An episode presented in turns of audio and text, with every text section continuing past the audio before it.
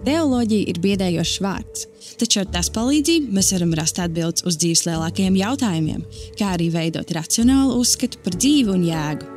Jēzus teica, jūs zināsiet patiesību, un patiesība jūs darīs brīvus. Tāpēc šī podkāstu mērķis ir vienkāršs - aizsniegt katru, kurš grib rakties dziļāk Bībelē, garīgi augt, izaicināt sevi ar jauniem viedokļiem, un pats galvenais - zināt un izdzīvot patiesību. Ok, ir pagājis kāds nopietns laiks. Ja nemaldos, vis, uh, nedaudz vairāk par mēnesi, kopš es ierakstīju savu iepriekšējo epizodi, un uh, par šo man ir jāatvainojas. Iemesli ir vairāki. Galvenokārt tā ir skolas beigšana. Man ir tik šausmīgi daudz darba, ka man nācās nolikt teoloģijas pauzi, un es, uh, man tiešām pietrūks teoloģija. Es, uh, Man vēl ir palicis mēnesis, ko mācīties, un es ceru, ka es varēšu atgriezties savā rutīnā, kur es atkal varu taisīt podkāstus. Man ir ideja arī uzsākt rakstisku blogu, jo es pēdējā laikā arī rakstu daudz. Tas ir vēl viens iemesls, kāpēc nav iznākusi neviena epizode. Es šī mēneša laikā esmu rakstījis savu, savu darbu. Tā cerams, gala rezultātā tā būs grāmata. Um, pašlaik man ir 50 lapas puses uzrakstītas. Kā, man liekas, diezgan, diezgan daudz jau ir izdarīts. Šīs grāmatas eh, nosaukums vēl joprojām būs noslēpumā, bet tāds apakštituls, kurš, par kuru es vēl debatēju, ir. Eh, tad, okay, es nolasīšu vienu - Bībeliskā teoloģija, motīvi, simboli, tipoloģija un eskatoloģija. Okay? Vēl, vēl viens - no jauna atklāta Bībeles simbolisko pasauli. Uh, šis, šis tāds nedaudz izaicinošs. Un vēl viens ir bībeliskā teoloģija, un šis mans mīļākais - bībeliskā teoloģija, tempļa motīvi, tipoloģija un eskatoloģija. Un tā ideja, ok, vispār es pateikšu savu to nosaukumu, kas man pa, pašlaik ir prātā. Tas ir kosmiskais templis.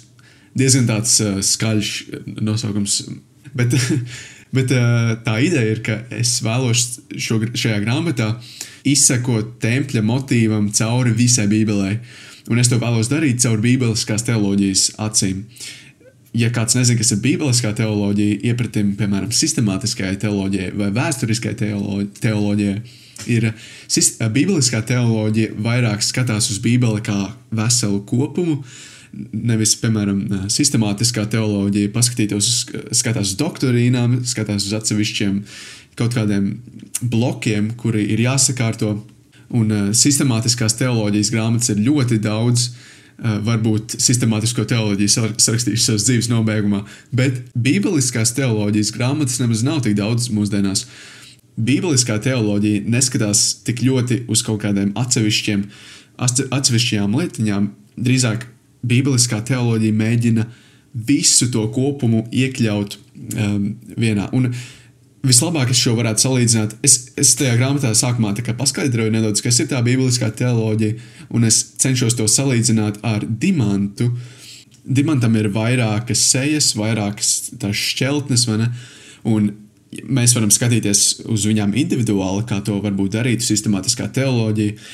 Bet tā grūtā daļa, kas parādās rakstot bībeliskās teoloģijas darbu, ir salikt tās visas daļiņas kopā. Uh, Un tas ir to, ko es cenšos darīt. Un kopš es esmu pazīstams ar biblisko teoloģiju, cik es esmu lasījis visādus ievērojamus bibliskās teoloģijas eh, pārstāvjus un tā, šī praksa ir tik ļoti bagātīga, un es ceru, mana vīzija nākotnē šeit Latvijā ir, ka cilvēki varēs uh, ieraudzīt to, to bagātību, ko es viņā redzu. Un tas arī ir viens iemesls, kādēļ es gribu rakstīt šo darbu. Vēl kā es bībelisko teoloģiju salīdzinu savā grāmatā, ievadu nodaļās, ir, ka uh, bībeliskā teoloģija ir kā šachs. Man ļoti patīk spēlēt šāhu vispār. Uh, Nevienu ne reizi, kad es spēlēju šāhu, man šķiet, ka oh, es esmu izdarījis tik labu gājienu, un tad šķietam no nekurienes no otra gala izlaiž laidnis un nokauj man labāko kauliņu, manu dāmu. Man, un, kad kad uh, mēs darbojamies ar bībelisko teoloģiju, ir svarīgi saprast, kā visi elementi strādā kopā, lai mēs nenokoncentrētos uz to vienu gabaliņu, un tad mēs un tad e, tajā pašā laikā ignorējot to laini, kas no stūra izmaina pilnīgi visu bildi. Un tagad ir jau gandrīz 9 vakarā, ir bijusi gara, gara diena e, skolā, un es atradu kādu mazu laiku, kuras, kurās varētu vienkārši parunāt nedaudz par e, teoloģiju. Un šajā epizodē jūs, klausītāji, būsiet kā testa trusīši. Es vēlos nedaudz pakomentēt, padalīties ar to uh, bildi, ko es mēģinu uzgleznot pirmajā daļā. Šī grāmata kopā sastāvēs no trīs daļām. Un Un tā man pirmā daļa, kaut cik tas uzmetums, tā lielā bilde ir, tur vēl ir nenormāli daudz darba. Bet tā, bet tā lielā bilde, ko es gribu pateikt tajā grāmatas pirmajā daļā, aptuveni ir. Un es vēlos viņu, viņu ar viņu padalīties.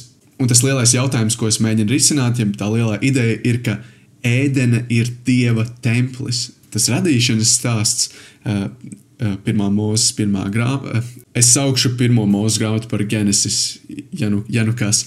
Tātad šajā pirmajā daļā es argumentēju, izklāstu savu argumentu, kāpēc, manuprāt, ēdene ir dieva templis. Kādēļ uh, Genesis 1 un 2 nodaļa apraksta ēdeni kā dieva tempļa inaugurāciju, jeb iecelšanu.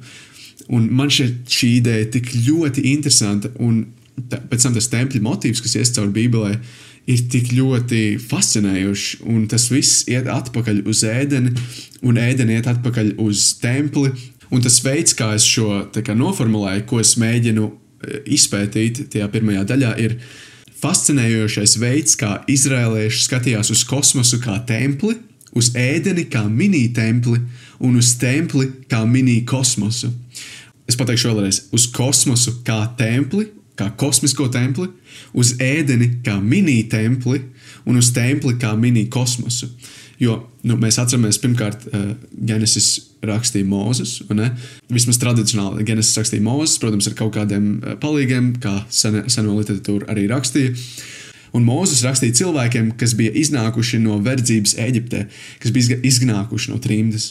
Un viņi būtu tajā laikā pazīstami ar to, to tempļa konceptu, viņi būtu pazīstami ar tabernākulu konceptu, jo tas ir arī to, ko Mozus pēc tam viņiem, eh, Dievs pēc tam Mozum liek būvēt starp izrēliešiem. Un tabernākuls arī ļoti lielu lomu spēlē šajā, šajā argumentā. Un tajā pirmajā daļā es iedodu visus tos tekstuālos argumentus, es eju cauri motīviem, simbolikai, kāpēc tik ļoti skaidri tiek eh, ēdene tiek attēlot tajā tekstā kā dieva templis. Daži ļoti ātri piemēri, kā izpaužās šī savienība, šī korelācija starp templi un ēdeni. Piemēram, mēs redzam, ka ēdene ir sadalīta trīs daļās. Ir tā kopējā zeme, tad ir pati ēdene, šis dārzs, un tad dārza vidū ir dzīvības koks. Tāpat arī tabernākulā, es, es izmantošu tabernākulu, nevis templi, uh, jo tas bija pirmais, bet uh, tabernākuls ļoti līdzīgs templim. Taber, templis ir tā, tā teikt palielināta versija tabernāklam. Okay? Un tabernākulā mēs arī ieraugam šo trīsdaļīgo sadalījumu. Ir tabernākula pagalms, tas ārpagalms, ir svētvieta, un tad vēl pašā, pašā centrā ir svētuma svētums, kur, kur bija tas derības šķirsts. Un tam arī ir visādas simboliskas nozīmes, kas iet atpakaļ uz ēdeni. Pie ēdenes ir nolikti divi ķerubi, kas sargā ceļu uz dzīvības koku, tāpat arī priekškaram, kas aizsedza šo svētumu, svētumu, Uz tā bija divi ķerumi. Tur ir daudz salīdzinājumu, vēl visādas vizuālas lietas, piemēram, templī bija daudz. Tur templī, kad ietu fiziski, tu, tev ir tāds sajūta, ka tu esi dārzā, jo, jo tur ir uh, visādi koku zīmējumi un lapu zīmējumi. Un, kad tu ienāc tabernāklā, tur arī viss ir apzeltīts. Tāpat kā Edenē mēs arī lasām, ka tur bija zelts, un tur bija sveķi un oniks un visas šīs lietas, ka, kuras arī parādās gan templī, gan tabernāklā tā upes simbolika, kurā es noteikti nākotnē iedziļināšos, ir visskaistākā, man liekas, no visām. Par to mēs lasām Ecehēlā 47, pēc tam arī atklāsmes grāmatā, un tas viss iedod tādu reālu dzīvību šim tempļa motīvam, tieši šī upe, kas izplūst no tempļa. Un šajā pirmajā daļā es arī iedziļinos tajā, kas vispār ir templis, Jo cilvēki domāja, un tā tiešām arī vecajā darbā bija, ka templis bija vieta, kur debesis un zeme savienojas, kur dievs mājo cilvēku vidū. Un, ja mēs lēnām liekam visas šīs lietas kopā, ne, ja mēs skatāmies uz dimantu no visām pusēm, un, un tad mēs ņemam vērā to, ka uh, šī privilēģija, šis templis viņiem tika atņemts, vai ne, viņiem vairs nav pieeja pie dzīvības koka, tad uh, Ādamam un, Ādamam un Ievai Un tad, ja mēs lēnām visu šo ņemam kopā, mēs skatāmies uz šo dimantu un uz visām tām šķautnēm, mēs, mēs saprotam, ka ah, Ādams un Ieva tekstuāli arī tur tiek parādīts, ko es arī demonstrēju pēc tam, ka Ādams un Ieva ir kā dieva, jeb šī, šī kosmiskā tempļa, šīs ēdenes rojālajie priesteri, un viņu uzdevums bija augļoties un vairoties un piepildīt zemi.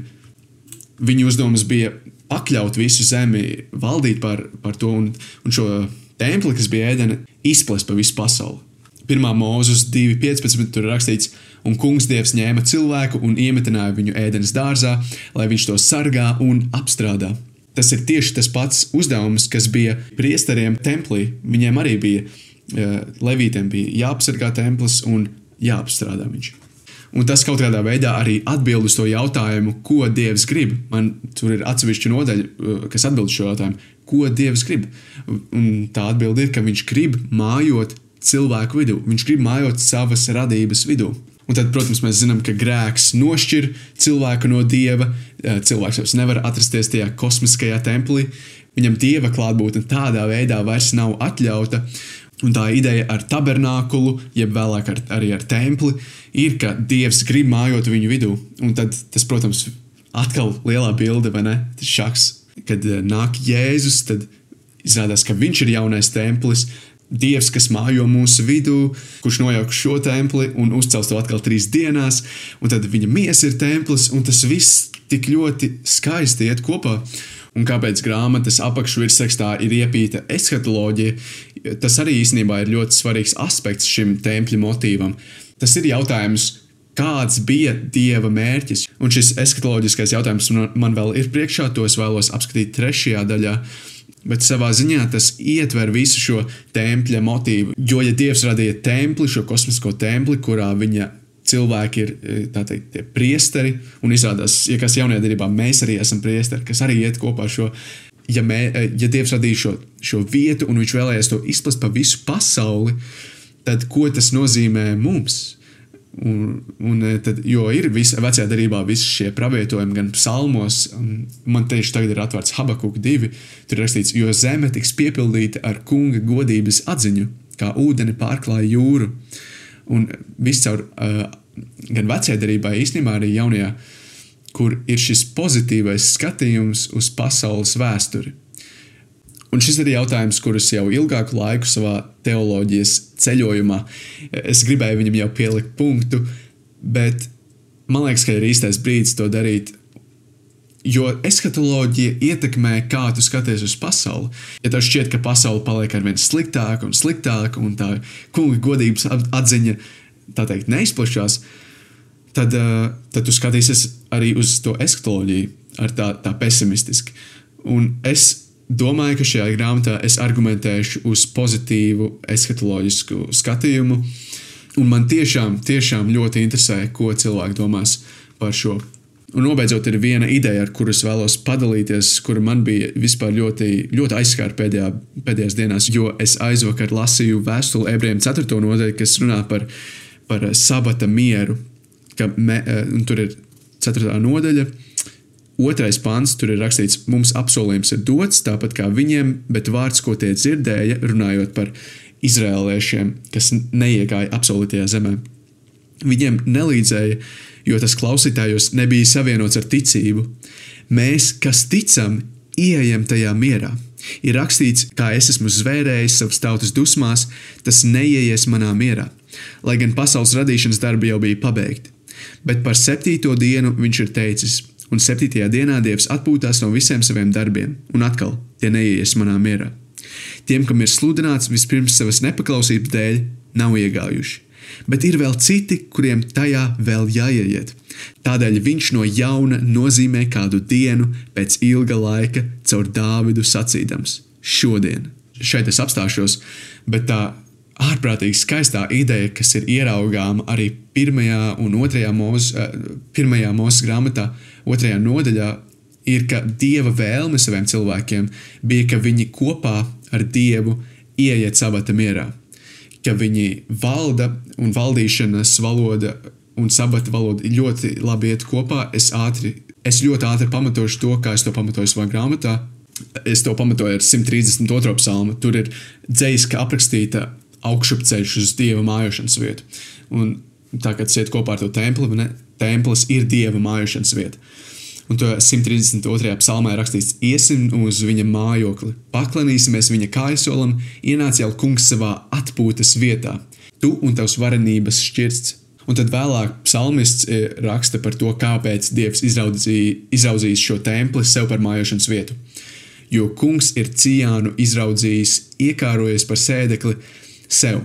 Tā mana atpūtas vieta uz laiku laikiem. Un tad viņš nobeidz to psalmu ar tādu ilustrāciju, ka Dievs no savas atpūtas, no savas atdusas vietas valda. Uh, tur es pacelšu Dāvida ragu, tur likšu gaismekli savam svaidītājam, viņa naidniekus uzstēpšu kaunā, bet pār viņu mirdzēs viņa kronis. Tad šajā psalmā mēs redzam gan šo valdīšanas valodu, gan šo atpūtas valodu, un viņi ir savienota šajā tempļa attēlā. Un ēdienē tas dieva miers bija domāts mūžīgs. Septītā diena ir pagājusi, un septītā diena nav astotās dienas. Septītā diena iet mūžīgi. Ēdienas dārzā dievs ar saviem cilvēkiem atpūšas un valda kopā. Valdīšana, eh, valda pār dzīvniekiem. Cilvēks ir dieva reprezentētājs, kas izplata šo valstību pa visu pasauli Un tā kā šī valdīšanas un sabata miera, atpūtas valoda ļoti labi iet kopā, tad mēs redzam, ka tas ir tas dieva plāns saviem cilvēkiem. Un tad, kad šis viss izjūga grēka dēļ, tad vēstules ebrejiem autors raksta par to, ka viņš ir nozīmējis kādu jaunu dienu. Un tad viņš saka, ka mums ir jauns Jozo 8. pantā. Ja jau Jozo viņus būtu ievedis mierā, tad Dievs nebūtu runājis pēc tam par citu dienu. Tā sabata miers, 9. pants, ir saglabāts dieva tautai, lai tajā ieietu. Jo tas, kas iegājis dieva mierā, atpūšas no saviem darbiem, tāpat kā dievs no savējiem. Un tad tas jautājums rodas, vai mēs esam tajā sabata mierā, vai mēs neesam. Es personīgi domāju, ka mēs esam tajā sabata mierā, mēs esam tajā templī, kurš kādā skaistā brīdī piepildīs visu zemi, Bet, protams, tur ir visādas debatas, kuras es vēl apskatīšu tālāk savā grāmatā. Tāpēc jau tā grāmata ir, ka to nevar tik viegli apskatīt podkāstā.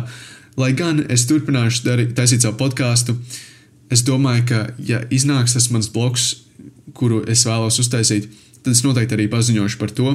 Bet, lai arī kā tur būtu, vēl tikai viens mēnesis palicis, un tad es centīšos būt aktīvs visās platformās. Un man, protams, ir lieli plāni še, šīs platformas nākotnē. Tā kā, ja tev ir vēl kādi jautājumi vai kaut, kaut kas interesē, droši sazinies ar mani jebkurā platformā, kurā es esmu, un eh, tad jau tiekamies nākamajā reizē.